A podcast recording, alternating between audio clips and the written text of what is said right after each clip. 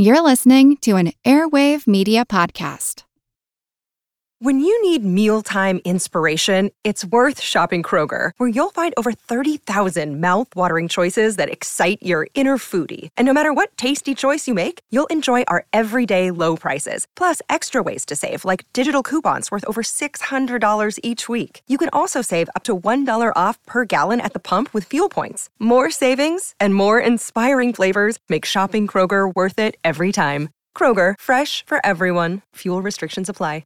Hey guys, it is Ryan. I'm not sure if you know this about me, but I'm a bit of a fun fanatic when I can. I like to work, but I like fun too. It's a thing. And now the truth is out there. I can tell you about my favorite place to have fun Chumba Casino. They have hundreds of social casino style games to choose from, with new games released each week. You can play for free anytime, anywhere. And each day brings a new chance to collect daily bonuses. So join me in the fun. Sign up now at chumbacasino.com. No purchase necessary. VGW Group. Void were prohibited by law. See terms and conditions. 18 plus. This is Kick Ass News. I'm Ben Mathis.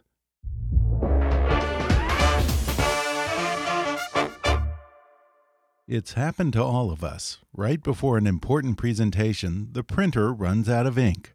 Brother Inkvestment tank printers help put a stop to this and can literally change the way you ink. With your choice of one or two years of ink included in box, Inkvestment Tank helps eliminate the expense and hassle of frequently buying and replacing ink cartridges. Learn more at changethewayouink.com. What makes a data breach the worst breach of all time? How about losing our social security numbers, the keys to our identities? How about losing 145 million of them? Breach is a podcast that takes you inside the world's biggest hacks, how they're done, who does them, and what's really at stake when your private data is compromised. And this season, they're investigating the worst breach ever Equifax. Listen to season two of Breach, the Equifax story. This time it's personal. Subscribe to Breach, that's B R E A C H, in your podcast app right now. And now, enjoy the show.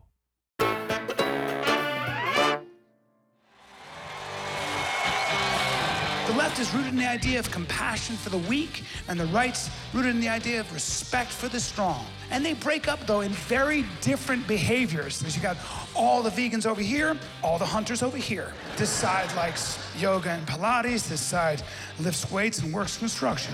This side believes in therapy, this side believes in prayer, booze, and opiates. I'm Ben Mathis. Welcome to Kick Ass News. That was a clip from Bryan Callen's new hour long comedy special, Complicated Apes. You know Bryan from his hit ABC comedy series, The Goldbergs and Schooled, as well as his podcasts, The Fighter and the Kid and Mixed Mental Arts, and movies like The Hangover 1 and 2. And now in his latest special, Bryan is addressing uncomfortable truths and questioning assumptions about race, gender, and politics in a hilariously relevant hour of comedy reminiscent of the great George Carlin.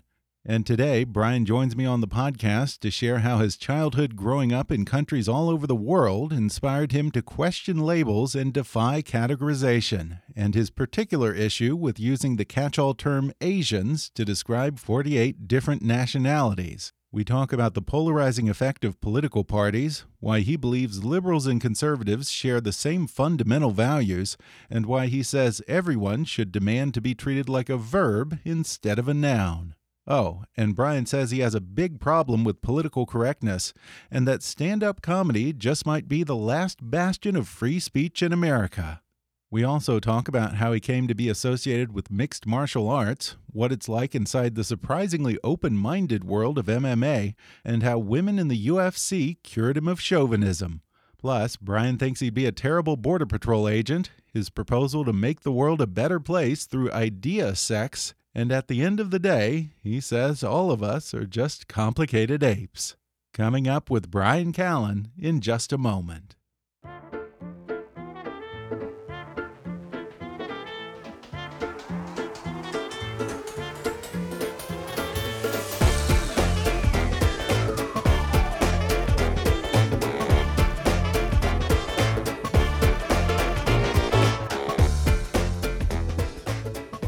Comedian, actor, and podcaster Bryan Callen is most known for his recurring role as Coach Mellor on ABC's The Goldbergs and on the spin off series Schooled, which premiered earlier this year. Callen has also appeared in such TV and films as Kingdom, Two Broke Girls, Ride Along, Hangover 1 and 2, Sex in the City, Old School, Mad TV, Entourage, Californication, and many, many more. He's the host of one of the most listened to podcasts in the world, The Fighter and the Kid, and now he's coming out with a new hour long comedy special called Complicated Apes, premiering March 12th from Comedy Dynamics. Bryan, welcome to the podcast. Thank you very much. Good to be here. I guess I mostly originally know you from your sketch days when you were on Mad TV and your acting work and stuff like Hangover 1 and 2. And, you've seen none of my athletic work? you haven't seen my tennis when I'm out there on the court tearing it up? My Not boxing? Yet. All right. Not yet. How about MMA? Do you do MMA yourself? I sure don't. I was, Yeah. uh, I mean, I did, you know, I've dabbled in all that, but uh, Yeah. I do a little boxing. Oh, you still, do? yeah. Like yeah. regular, bo- like Yeah, like American boxing. Oh, yeah? You know, like classic boxing. Yeah. Oh, okay. Only because it's so difficult and it keeps me humble. yeah. And I'm terrible. and even after four years of working hard at it, I still get punched in the face.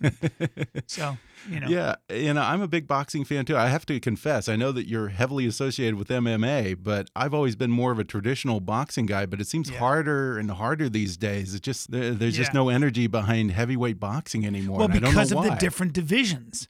You've got these Okay. people like Bob Arum and stuff, who, and, and and Eddie Hearn, all these guys who create their own divisions and have deals with ESPN versus DAZN. Mm-hmm. Yeah. And what happens is now Tyson Fury doesn't fight Joshua. Now Joshua doesn't fight Deontay Wilder. Yeah. And it just it, it just ruins the sport. It just Okay. kills the sport. So the best fighters don't sense. fight the best fighters. That's why it took forever to have Manny Pacquiao and Floyd Mayweather fight because they were in different divisions and nobody could make a deal. And and so it, it's it's it used to be when there was one division, when there was one really network or whatever, especially one division, they could make a deal with whatever network and you'd see Frazier fight Ali.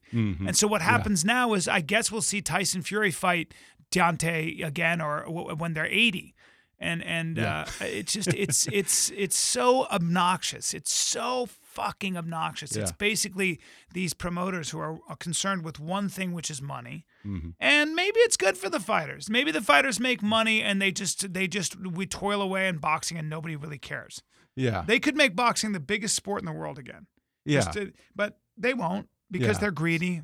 so you'll never have a Thrilla in Manila or anything like that again. not not while there are all these Yeah. these a holes like uh, Yeah. these these these promoters who who make they're not even a holes. They're just they're just uh, I guess they're just do they're capitalists who are doing whatever Yeah. makes sense for their pocketbook, but it doesn't give us the best fights. Okay. Okay, that makes sense because now that I think about it, I remember Don King told me something like that million years Oh, ago. did you ever, Said- did you do a podcast Uh, didn't or- do a podcast, but I met him a few times and I asked him what's going on with boxing, and he said there's just too many sanctioning bodies now. Yeah.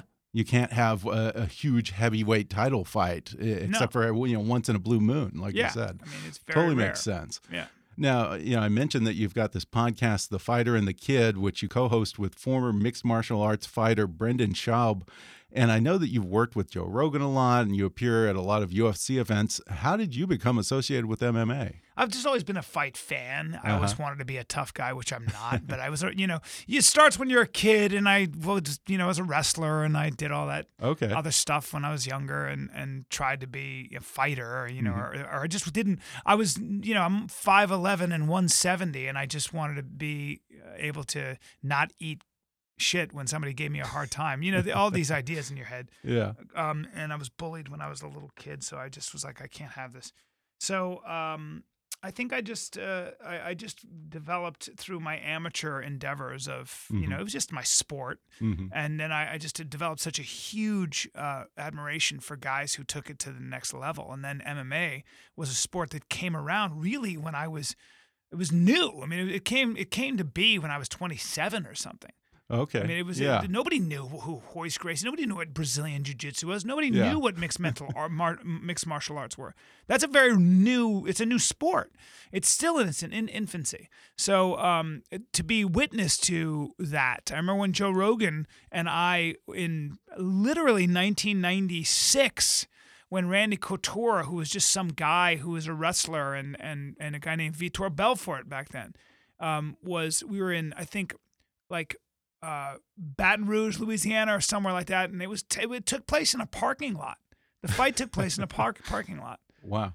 and I so so so it was such a new thing, and it was just all this smorgasbord of disciplines. Really, it was basically tough guys Yeah. and really good wrestlers who were like, "Hey, let's do this," and Brazilian guys who they're all just tough Yeah. grapplers, and then Yeah. of course it's now really graduated into a high level striking game because these guys have the best Dutch kickboxing teachers and the best boxing teachers, and now if you want to be, you know, a great fighter like Dustin Poirier or something, you have to be good at everything. Eh, yeah, I forget how new it is. I It's mean, so but, but you're comparing it, of course, to probably just about every other major sport now has a hundred year plus pedigree. this is a guess. 25 year old Yeah, sport. It yeah. really is. It's maybe less. Yeah. Now, in your special, Complicated Apes, you say that you were a chauvinist until UFC started opening the cage to women. I guess That's Uh, exactly how right. did that change your mind? because I think that you know I, I do this joke which is true, which is sorry, which is that um, I don't. I, my mind is not going to be changed by a book on feminism. There are Okay. thoughtful feminists of all different. And when you say feminist, that's a spectrum, and there are a lot of feminists who have different points of view. Feminists disagree all the time, but I'm a guy.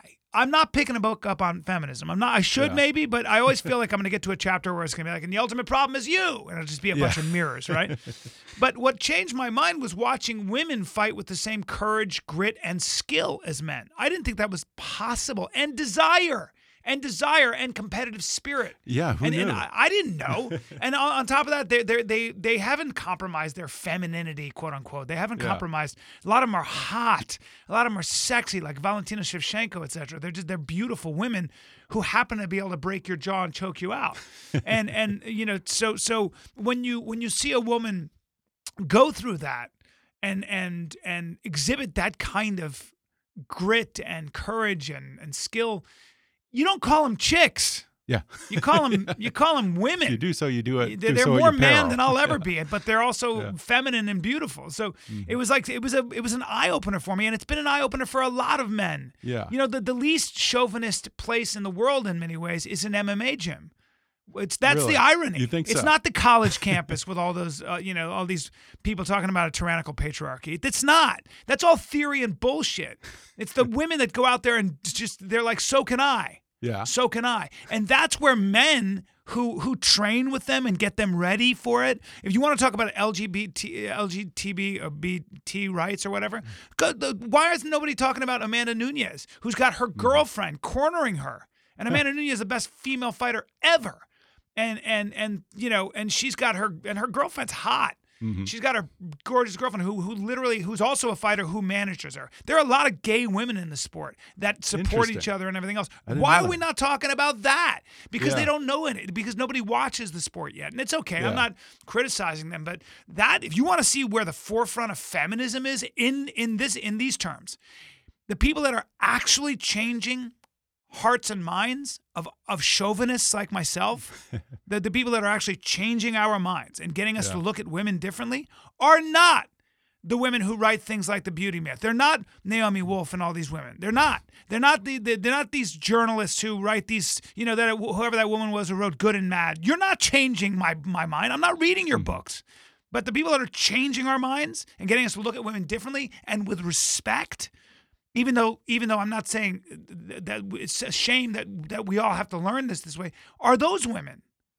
Yeah, I mean, I'm just saying they're doing what more of a job of it. the guys yeah, thing. Yeah, I'm not saying that Yeah. a lot of men don't look at women with respect. You should, uh, and Yeah. and you know you should Careful. be raised properly. But but you know, let's be honest. It- it- it- these are these are this this this movement is slow to to realize. Yeah, And and you do it through and you don't do it through coercion. Mm-hmm. You don't do it through force.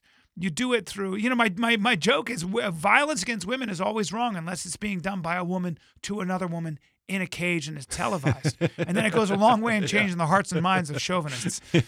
It just does, man. Yeah. That's the irony of it. Uh, yeah, and it's interesting to hear you talk about how inside the sport, MMA is very forward thinking because in my imagination, I would tend to think that most that the majority of MMA fans probably lean more Trump than Hillary, probably are in Sure. flyover country and 100%. have sympathy for the middle-aged Yeah. white working male and that kind That's of thing. That's right. I'm going to bring up a, a website that I follow too on, Oh, on yeah? Instagram, uh, and it's um, Let me see if I can find it. But it's a woman. She's from Russia and she's a high level boxing coach. And I watch her videos so that when I go into the gym and I spar, I, I can kind of like, uh, it's called Kitek Boxing, K I T E K Boxing. She is a high level. So the, there's a real renaissance in Russia. Some of the best boxers come out of Russia. She has a gym where she's clearly she she was a fighter. She's a woman.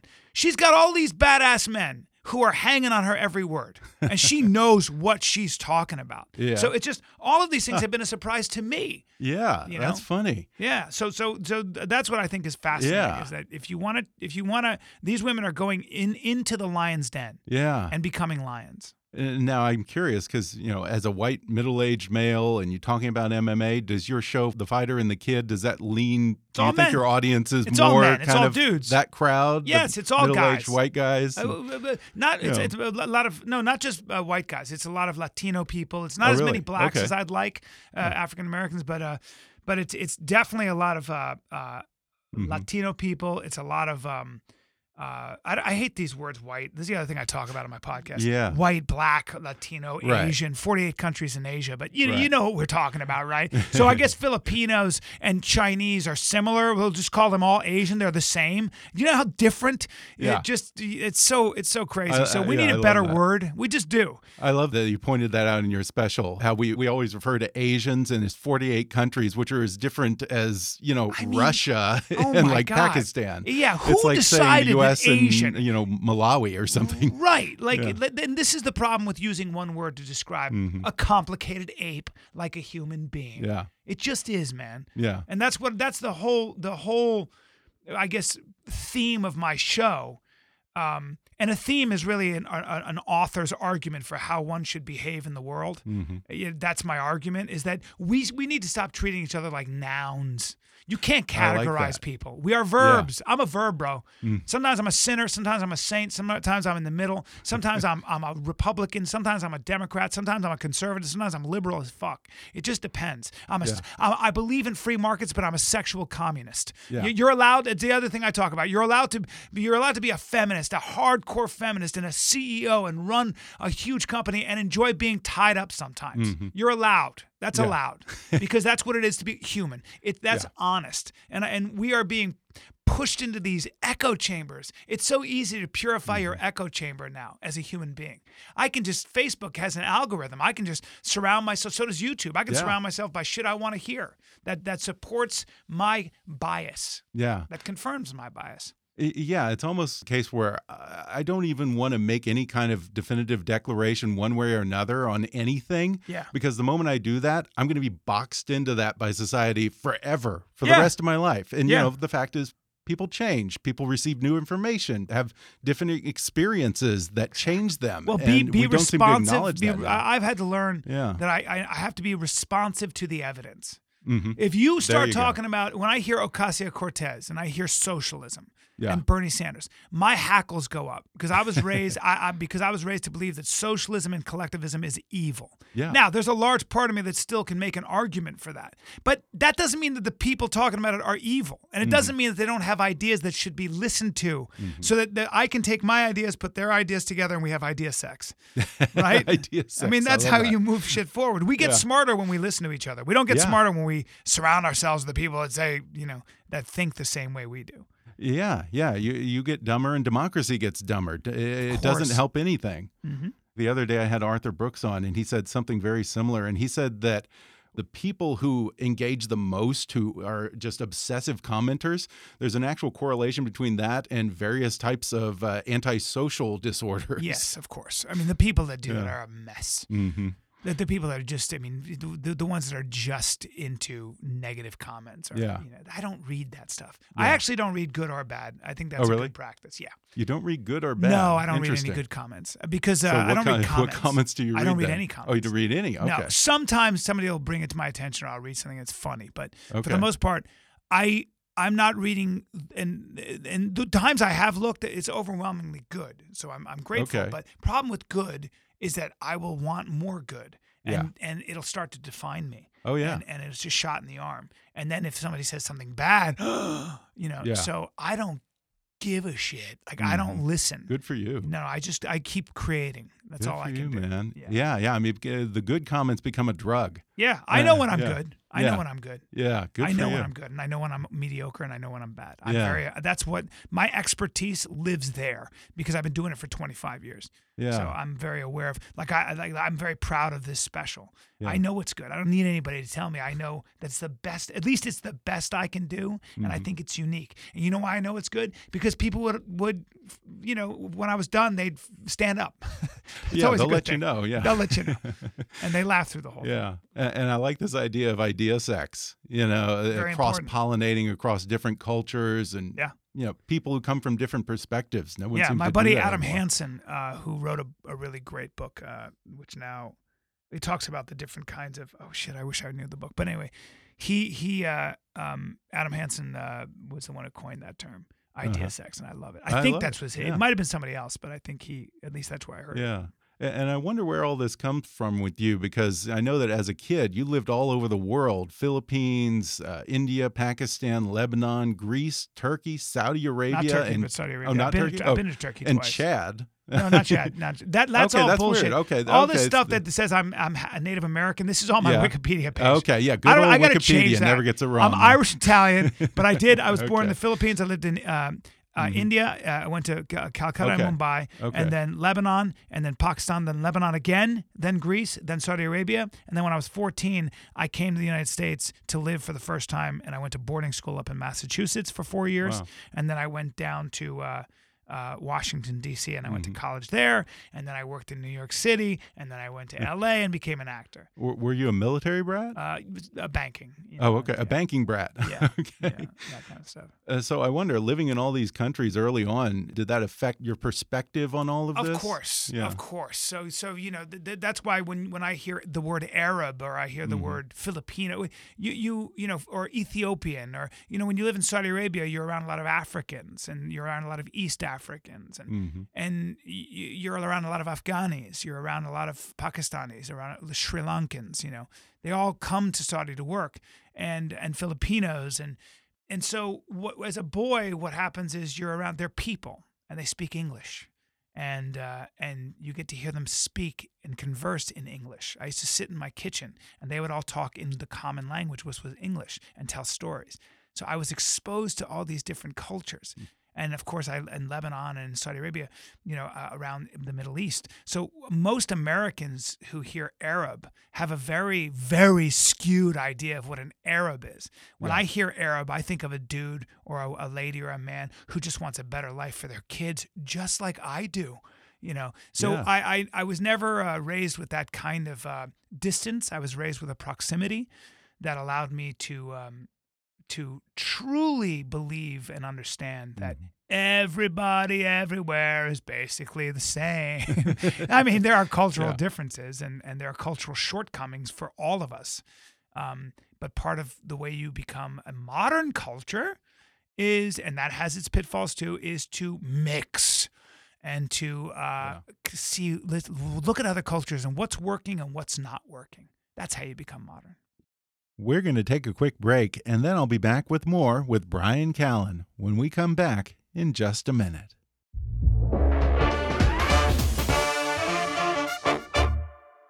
It happens to the best of us. Right before a big deadline or just when you're printing handouts for a key presentation, the printer runs out of ink. Then you have to go through the expensive hassle of replacing ink cartridges. Thankfully, with an internal ink storage tank, large ink cartridges, and an intelligent page gauge that displays ink levels, Brother Inkvestment tank printers can literally change the way you ink. Brother Inkvestment Tank Color Inkjet all in one printers deliver ultra convenience along with a low cost per page and affordable upfront pricing. Enjoy uninterrupted printing with your choice of up to one or two years of ink included in box. Inkvestment tank printers can keep your business running while delivering super functionality, including print, copy, scan, and fax. With Inkvestment Tank, there's no sweating over your printer running out of ink, just the features, convenience, reliability, and affordability you need. Learn more at changethewayouink.com and get ready to change the way you ink. And now, back to the show. I'm interested in your interest in categories because you do bring it up a lot in your special. When did you first become aware of or interested in labels? Um, I think a part of it was just the amount of reading and listening I do to people like Jordan Peterson and uh. Okay. who's done my Yeah. podcast three times now, and Great. th- th- that stuff is has been very influential. Uh, he's so good at articulating ideas, but, but there are a lot of people. I mean, it's not just that. Um, I think I think uh, I started thinking about labels, um, because I started hearing the word Arab a lot Okay. and terrorist a lot Okay. and this and, post two thousand. And I hear it, in, yeah, and I hear it now in, um, I hear it now with with the sort of people, the Trump camp sometimes Mhm. when they talk about uh, Mexicans Yeah. and criminals and rapists, and those are nouns.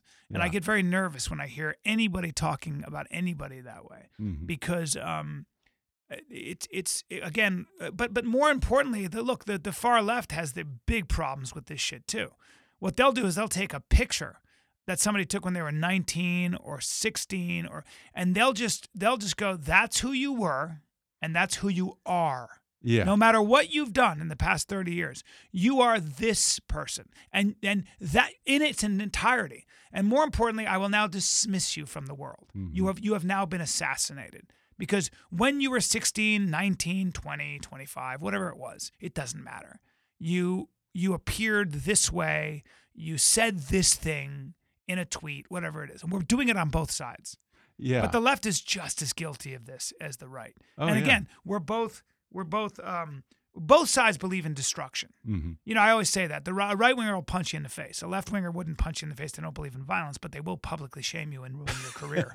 Yeah, right? boy, and Yeah. the, the, the, those, the, but both sides because destruction's much easier than persuasion. Mhm. And by the way, you know, racism. Let's talk about it. Mhm. I don't think that's the problem. Really? I- I'm saying this as a white guy. I'm not saying that black people, especially, haven't dealt with a with the legacy of racism. I, I've read my history, and I know that this country there was a a constant onslaught against uh, the black, the African American population. That's a fact. Starved of resources, redlined, all those stories. Yes, yes, yes. Slavery. We've been a country longer with slavery than without. So racism is very real and has uh, uh, paid extracted a huge toll. This is what I mean when I say the- problem runs deeper than that. Okay. Um, and the problem is that I think we could be as similar as penguins, and we would still find reasons to break into us versus them. Human beings Right. are tribal, and Yeah. that that's that's that's what I mean. The left and the right are the same color. If racism, if if we got the, the people say all we need to do is get rid of racism. Oh yeah, okay. Tell me how that's working for the Middle East. Tell me how that's working for sub-Saharan Africa. hmm This yeah, is much yeah, deeper than that. It's a human Yeah. tendency to tribe up absolutely. and to label the other side evil, wrong, whatever it is. And that that's that's what I'm addressing. Oh yeah. So- so- that makes sense because like Yeah. if you look at Rwanda or Congo, you have Please. blacks fighting blacks who have somehow found a way to subdivide themselves into Look at the Sudan. specific categories. The the, the Nuer and the and the Dinka. Read. Sapiens Mhm. by you. you uh, Right. Uh, Go, I great mean, book, yeah. Yeah, I mean the the, the the Dinka and the Nuer are essentially the same people. You'd never Mm-hmm. be able to see. There might be tribal differences in in the scarification of some of the some of the sort of tribes in the outskirts, but they're essentially certainly you could not tell the difference. They are similar culture. They're Mm-hmm. herding culture and everything else. Can't stand each other. Sworn enemies. Mm-hmm. Dinka means people. Nuer means original people, Mm-hmm. or the other way around. Uh, very common. Human beings. Human beings. But you know, it's our lizard brain. It makes survival easier if we can just label friend and foe, good guy versus bad guy, and We're it's binary. all an impediment. Human now. beings are binary. We, Yeah. It's very easy. That, that- that's our mythology is binary. Good guys, bad guys. Yeah. Good guy wears the white hat. Bad guy wears the black hat. It goes Yeah. back to watch any John Wayne movie or anything else. Yeah. Yeah, yeah, and that's why I like your title of your special here, "Complicated Apes," because it, it, it sort of gets to this tug of war between that ape part of us that's instinctual, just baked in, that make us quick to make judgment calls out of fear and out Yeah. of self-preservation, and yet we also have this nuanced and complex way of thinking as modern human beings in our world today, and Yeah. the, the two don't always go well, together. because both both sides love to make things binary. They Mm-hmm. take a very complicated issue. The left the left only talks in terms of you know uh, oppressor and oppressed. Yeah. Uh, and and we just got to equal the playing field because power is imbalanced. And the right talks about uh, America, uh, people who are here, really, you know, kind of white, and uh, and and the other the other the, the immigrants are the problem. It- It's very easy to do that, and. Uh, you know, well, that's a binary way of looking at things. There's a more nuanced approach. Someone like Thomas Sowell, who's a brilliant writer, who talks about culture. Cultures, cultures. Some cultures are better at at amassing wealth and building things that last legacy than others. The ethnic Chinese didn't. They suffered a whole lot of discrimination. Believe me. And I don't know, I, I'm not ethnic Chinese, but pick up a history book and uh, take a look at the ethnic Chinese's experience in this country, for example, and in Malaysia, Southeast Asia, etc. Uh, but they, and, and no matter where they go, no matter where they go, whether it's Africa or wherever, somehow the ethnic Chinese have a culture that is is very effective at building education, skill sets, uh, economic wealth, uh, um, um, strong family bonds, all these things. And they excel. They excel so much that Harvard is being hit with a class action suit because it's getting too Asian. I mean, Harvard was yeah. literally like, "Well, "Look, this is becoming too Chinese. We gotta. Yeah. I mean, we gotta Asian. It's too Chinese. Uh, we, gotta." Harvard was like, "Let- "Let's. Uh, uh, you gotta be athletic too. Uh, you, you know, I don't. You know, I mean, you can you can see them panicking. They were like, Yeah. well, dude, this is just we're gonna we gotta diversify here. Yeah. Uh, you know, I sympathize uh, to an extent, but but um, and then there are some cultures that don't do that, Mhm. and but we never talk about that. yeah. You can't talk about ghetto culture because then you, what you're really saying is maybe black culture or something like you know. But but the fact is that certain cultures in the black community. This is Thomas Sowell, it's a black scholar, like the West Indies. Uh, the West Indians um, tend to do better than, say, uh, black, uh, black, the black population that's been here for a long time. Complicated issue, yes. The Igbo in Nigeria do better than the, the, the Yoruba. Um, so, so why? Well, they were a minority. Why did the Armenians? uh, Why did they do well in Turkey? Why were they surrounded by the uh, by the caliphate, by, by the um, the the main the main guy who was running things? Uh, they were the, they were the accountants. They were the doctors. Uh, the Jews were the same way. There's certain s there are certain groups of people who tend their, their cultures for whatever reason tend to be more effective. So can we please look at that? Maybe we could Yeah. all learn from the Igbo. Maybe we could all learn from the ethnic Chinese. Yeah. We, you know, maybe we could all learn from the Jews. Mm-hmm. You know, and, and we do, but that's why it's so important. Yeah. That's why I'm such a believer in mixing. I like I like intermarriage. When I I used to do this joke I try to write when I see like a black guy and a white white woman mar- like dating, I kind of nod my approval. Like I like the mix. I want I want things to get brown. You, you know, I do. I, I there's something about about um the idea of just I just want I want it I love a melting pot. I that's our strength, man. Mm-hmm. Yeah. Because we learn from each other. Yeah. My culture, my culture, well, I don't know what my culture is, but let's just take white traditional Anglo-Saxon Mm-hmm. culture. There's liabilities there. It's it's not you gotta you know can you imagine can you imagine white America without without African the African experience without the African influence we wouldn't Yeah. have rock and roll we wouldn't have Yeah. jazz Yeah. our highest American art form we wouldn't have all this color we Yeah. wouldn't we wouldn't even have our language Yeah. you know so so Yeah. so part of American culture that we export is biracial mm-hmm. culture It is. Yeah. it's Absolutely. biracial You know, once you take race out of it, culturally, you know, it's very surprising the people that you wouldn't think would have common cause who do. Like a white conservative from Minnesota may have more in common with a Mexican Catholic than A they would with a, you know a white person A from New. York or from Maryland or anywhere else. That's right that's right Yeah. Well, also, you know, remember that you know Janis Joplin and and uh, Jim Morrison and uh, and all the uh, Lou Reed and the Mhm. Rolling Stones and Led Zeppelin. Uh, their heroes were the black blues Sure. players. They they were Yeah. copying Muddy Waters and those guys. They were Yeah. copying them. They were biting their riffs. They were speaking like them. There would not be rock and roll without Yeah. the the ne- quote unquote Negro spiritual, you know, in that that was born in the fields of you know the cotton fields, etc. That, Yeah. that, that that is where it came from. Yeah, I mean, all American music, really, even country. Where I do you think drums it come owes from? something to you know the black progenitors of American music. It's a it's a Yeah. mix. It's a mix. Yeah. Everybody's had their hand in it, and God and thank God. yeah, It's it's what makes us an Yeah. interesting culture. I have to ask you, just because it's been in the news so much about immigration. You say in your special that you believe in borders, but you think you'd be a shitty border guard. I'd be a I'd be a shitty that. border control agent because Yeah. I because I uh, I I believe in borders, but but I, like every human being, I hold two contradictory values in my heart. Mm-hmm. I believe in justice and fair play, wait in line, legal immigration, but I also believe in mercy and compassion. Mhm. And you got people trying to get over that border and they're desperate and they got the children. So I know I'd be like, oh, fuck. okay, you got the kids. Just come over here quick, quick, quick, quick, you know. Yeah. Mm-hmm. but that doesn't make me better. It doesn't make me a better person. It doesn't make me, uh, uh it makes, means I'd be shitty for the job. Yeah. It just means I'm emotional and I'm, and I, I don't have a backbone. Mm-hmm. Being a border control agent is hard. Being a politician who has to make those decisions, that has to choose justice over mercy and compassion, that's not easy. It's not easy. Mm-hmm. Really, you think so? Absolutely not. Huh. And and Okay. but but what are you gonna do if you don't believe in borders at all? Take the front door off your house.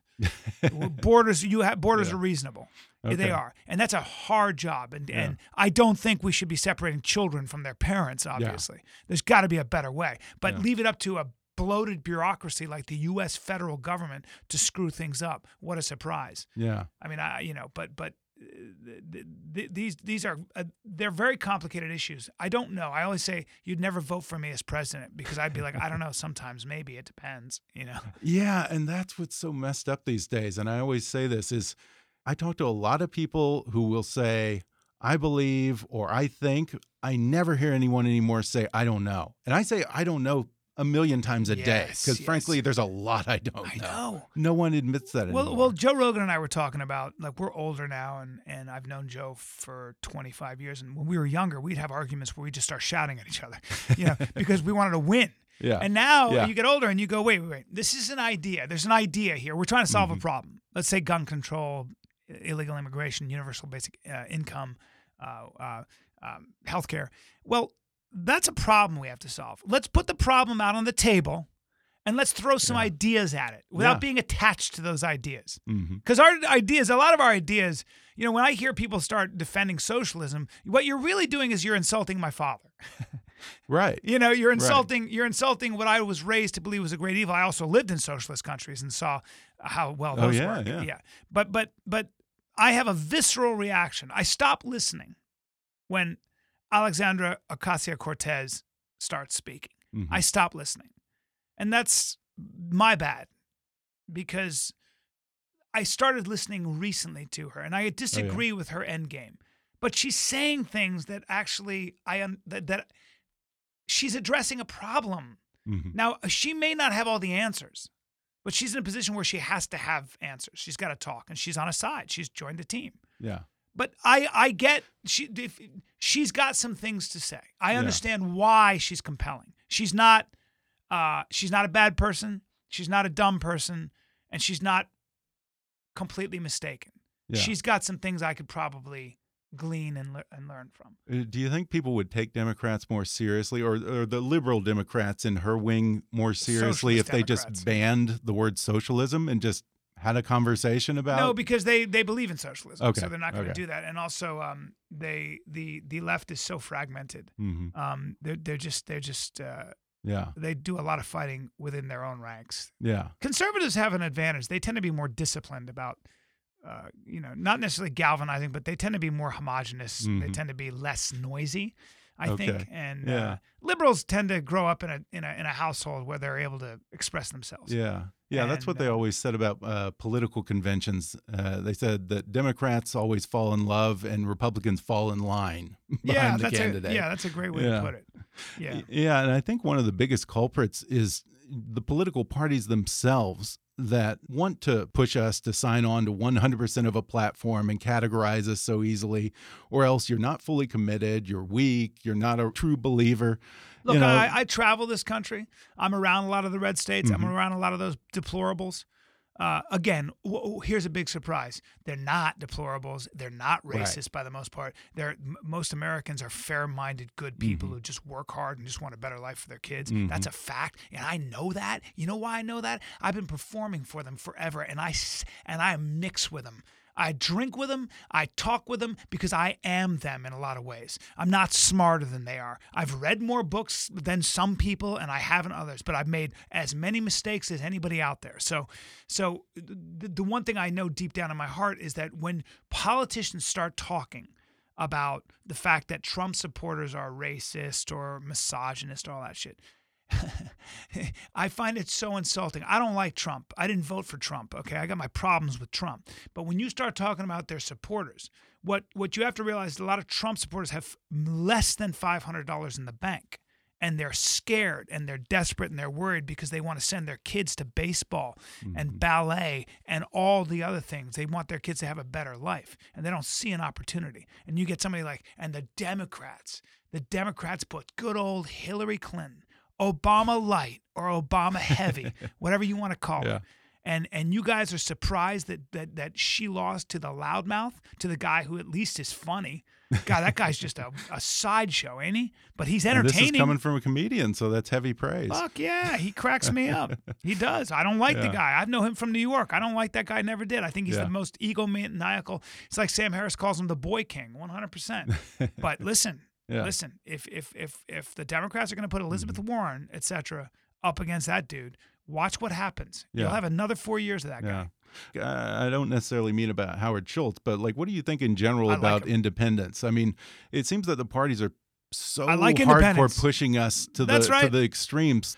I mean, I'm not a 100% Democrat or 100% Republican. Anyone who signs not on with campaigns are financed. 100% of a platform is a mindless sheep who's not actually willing to do some critical thinking. I'm Your- sorry, your but fundraisers, your fundraisers are on in either camp, and they have special interests Yeah. that essentially want Oh yeah, you to do their bidding, Mhm. and you will get a list of things to vote for, yeah, and you will spend most of your time raising money. Yeah. Uh, so, so Ocasio Cortez or anybody like that, now that they are on a team, they have to toe that line hard Yeah. because there are just too many interests that are that are hounding you. Even if you've got a great conscience, Washington, in many ways, according to Lawrence Lessig, who's a constitutional law professor at Harvard, and his great book Republic Lost, uh, and, and many more, but but um, talks about the fact that it's become an economy of influence and a place where good people must behave corruptly if you want to stay in power. Um, so independence, I like people like Schultz because he's like, I don't know, I'm conservative in some ways and liberal in others. Well, what about guys like us, which is all of us? so I like Schultz. Yeah. I know that the Democrats hate him because he's taking votes away, but kiss my ass. I Yeah. like that guy. Yeah, because I mean, if you do buy in 100% to a platform on issues like life, you're going to find yourself contradicting yourself. And I think you talk about in Yeah. the special, I mean, you're kind of setting yourself up for hypocrisy. Yes, of course you are. Of course you are. Um, and and just just again, it's okay to be to encompass the entire spectrum. It's impossible not to as a human being. Mhm. You are not one thing. Yeah. And we all have moments. And those moments, if they're caught on camera, can ruin your life. And that's what scares me about the public Yeah. square and social media is that people, you know, you, you make one bad choice and somebody catches it and Yeah. you're you're done forever. Well, yeah. And I read an interview a while back, I think probably from two years ago, where you said that comedy is probably the last bastion of free speech. Yeah. These days, with all the judgment on social media and the social justice warriors out there, Yep. do you still feel that way? Yeah, I still do. I, Really? I'm not letting anybody tell me what to do. Yeah. You know, I mean, if if you tell me if, if I'm offending you, then then I'm gonna go even harder. Yeah. I don't, you know, I, I don't need you. But the problem is when you when do you, work for a corporation okay. like Google, Mhm. you know, they'll fire you. right, right. You know, they they they they'll they'll, they'll fire you for making the work environment Mm-hmm. unsafe. Meanwhile, you work in Google. yeah, Crab boats are unsafe. The battlefield's unsafe. Yeah. Okay. Not your fucking not not Google Yeah. because you posted a bunch of stuff on the difference between men and women. Scientific True. peer reviewed Hmm. studies that apparently made it an unsafe working environment for women. Yeah. The fucking gutless, Hmm. gutless ideologues. And I I have a problem with that. Yeah. So So you still, but you still think that in general, comedy is the last bastion of free speech? Because I mean, I guess it's the last bastion of free speech if For you now. don't care what people say or don't care that your job may put, maybe put at risk. I, what you know. I mean, the, the one thing as a comic is I, I, I can still, I still have my audience, so Okay. I, I don't have to worry about not having a job. Listen, Okay. when, when, when somebody threatens your livelihood, you know, it's very real. It's Mm-hmm. you, you will keep your mouth shut.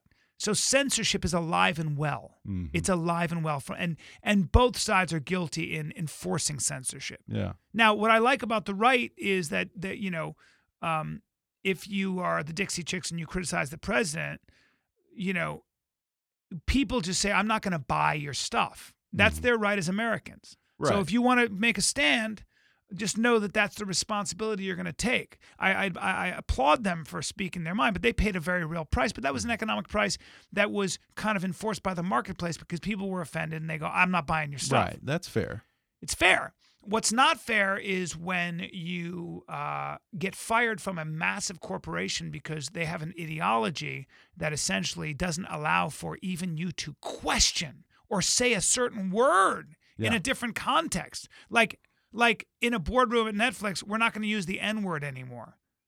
And he was using the word, and then he got fired. And it's like, hold on, he wasn't. He was saying we're not going to use it. So context doesn't matter me. anymore. No, Yeah, context doesn't matter. I'm, I'm Wow. that story. There's more to the story than that. Yeah, But yeah. but Well, this is what this is what we're dealing no with one wants to because nobody's that. yeah yeah Yeah. because people love Yeah. to feel like they can. It's way easier to Yeah. kill, uh, like to isolate and to zero in on the problem and nuke it. It's just it just feels better. Yeah. I get it. Uh, We all do it. Yeah. I'm guilty of it too. I'm not We when all I'm are. criti- yeah, Yeah. I'm guilty. of it. I, I have to ask because there is a lot of social commentary behind your humor. Uh, was George Carlin a big influence on you? Because uh, the, with the special, I kept thinking this guy's a lot like Carlin. He's got well, a lot of that in him. That's a huge compliment. I bought him breakfast Yeah, and well anonymously one time. Oh, really? and No thank you for that because uh, I think he's he's so fantastic, and I I Oh, haven't sure. Uh-huh. listened to all his comedy, but I heard. So funny you say that because I never tried to model myself after Carlin. I just haven't heard enough of him, but. Uh, I remember him. Somebody said to me that Carlin decided to stop telling jokes and start telling the truth, or something to Mhm. that to that effect. Or, and and and I think he was. Um, and from the the albums that I did hear, you know, when he was younger, were profound and amazing. They, I don't remember laughing. I remember Mhm. thinking. Yeah. And he wrote an essay about, uh, you know, measure your life by how, not how many breaths you take, but uh, by the things that take your breath away or something. He was a beautiful writer in that sense. Um, I never read his books, but I, I read I read that Yeah. essay that he wrote and stuff. So, uh, you know, this is a giant. He was eating breakfast at a place called Cora's uh, shortly before he died, and uh, I bought him breakfast anonymously. I, I Oh, really? I, yeah, I oh, okay. just, I was going to wait ask till what I, you two talked about. no, I Okay. said wait till I get out of here and just tell him I, Oh, yeah. he's he's the great one. I Yeah. wanted the waiters to know who he was. Yeah. That's why I did it. That's sweet. Because I think it, I felt like he ate there a lot, and I just Yeah. wanted the the the, the wa- waiters were primarily uh, Mhm. Mexican, Okay. and uh, and I knew a lot of them, you know, and I used to go in there a lot, and I just wanted, I just you know, he was an old man. I wanted them to to see who they were dealing with. Yeah, and they probably didn't realize that this crusty old white guy was like, you know, one of their biggest champions. Oh yeah, oh yeah, beautiful, Yeah. a beautiful badass, you know. Well, before we wrap up, I just have to ask. I know that you're reuniting with your Hangover director Todd Phillips for the new Joker origin movie. Yes. Uh, can you tell us anything about that? Uh, I'm sworn to is it all under secrecy, but but I do believe that Joaquin Phoenix will probably win an Oscar. for Okay. he's not. He was so in character. I was there for five days in the same room. He never he never said hi or bye. He never Oh, even yeah? looked at me. you know, there was one point he looked at me because we He's had a, committed. I had a thing to say, but I, I was just I've never seen anybody be that committed. wow. I was just like, is this guy unfriendly or whatever? No, no, that's he's just in character. I was like, all right, well, I'm definitely not that kind of actor. Yeah. I don't know how you do it. I mean, I think he lost a crazy amount of weight, and, but he's Really? he's so good. Like he's Yeah. so unpredictable and so good in it. And Yeah. uh, the script is like Todd Phillips. Is it? It's so funny too because I said to Todd, I was like, "How do you write a script like this, dude?" He wrote it with that guy who wrote Eight Mile, you know. Oh yeah. And he's like, "Well, this is the twentieth draft or something." And I was like, "God." And he goes, "Well, how long did it take you to write your special?" I go, "Oh yeah, like two and a half years." Yeah. Goes- I was like, "Oh yeah, all right." Oh yeah. That's you know, but he's he's uh Todd is this is a I'll, I'll say this about the movie. Um, if if the script is any judge, this is a this will prove what a div- versatile and Yeah. great filmmaker that guy is. Is it I- funny? Uh, it's it's that's the wrong word. Okay. Well, I, I just have to ask because there were rumors that the backstory is that he's a '80s uh, failed '80s stand-up comic, and that's the like, and then he goes bad or something like That'd that. be like saying basketball is taking a leather bladder and throwing it into a net. Okay. I mean, it's so much more than that. Man. Okay. It's, Okay. A, it's a it's going to be a okay. really Can't wait. really good movie. Can't wait. Well, Bryan's comedy special, Complicated Apes, is available beginning March 12th on over 20 different platforms, including Comcast, DirecTV, Spectrum, AT&T, Dish, Cox, iTunes, Google Play, PlayStation, Xbox, Vudu, I don't even know what that is, and many more. Man, oh man. Um, and of course, you have your podcast. Uh, do you want to plug Kid. that? Yep. Fighter and a Kid. And, Check it uh, out on Mix- iTunes Mixed Mental everywhere. Arts uh, that I do, where I interview academics. Oh, yeah, I like that one. Yeah, it's pretty. cool. Yeah. Well, Bryan Callen, thanks so much for talking with me. Thanks for having me, brother.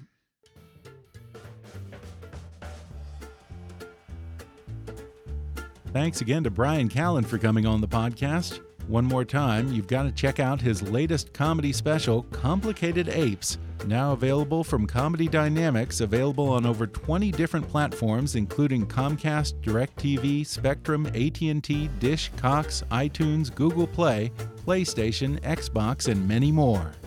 Watch Bryan on his ABC shows The Goldbergs and Schooled. Subscribe to his podcasts, The Fighter and the Kid and Mixed Mental Arts on Apple Podcasts or wherever you like to listen. And follow him on Twitter at, at Bryan Callen.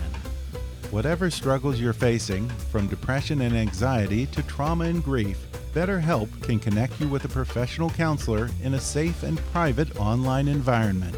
It's so convenient you can schedule secure video or phone sessions as well as chat and text with your therapist. And anything you share is completely confidential. Best of all, it's a truly affordable option. Kick-Ass News listeners even get 10% off your first month with the discount code KICK. So why not get started? Simply go to betterhelp.com/kick and fill out a questionnaire to get matched with a counselor you'll love today. Be sure to subscribe to Kickass News on Apple Podcasts if you haven't already. And if you like what you're hearing, then rate and review us while you're there. Five star reviews are the easiest way for new listeners to find us. Don't forget to like us on Facebook and follow us on Twitter at, at KickassNewsPod. And feel free to email me with your thoughts, questions, and suggestions at comments at kickassnews.com.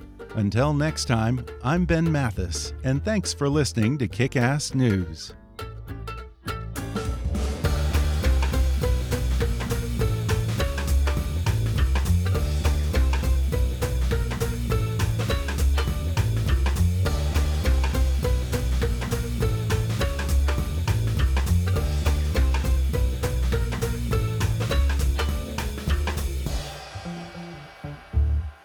Ass News is a trademark of Mathis Entertainment, Inc.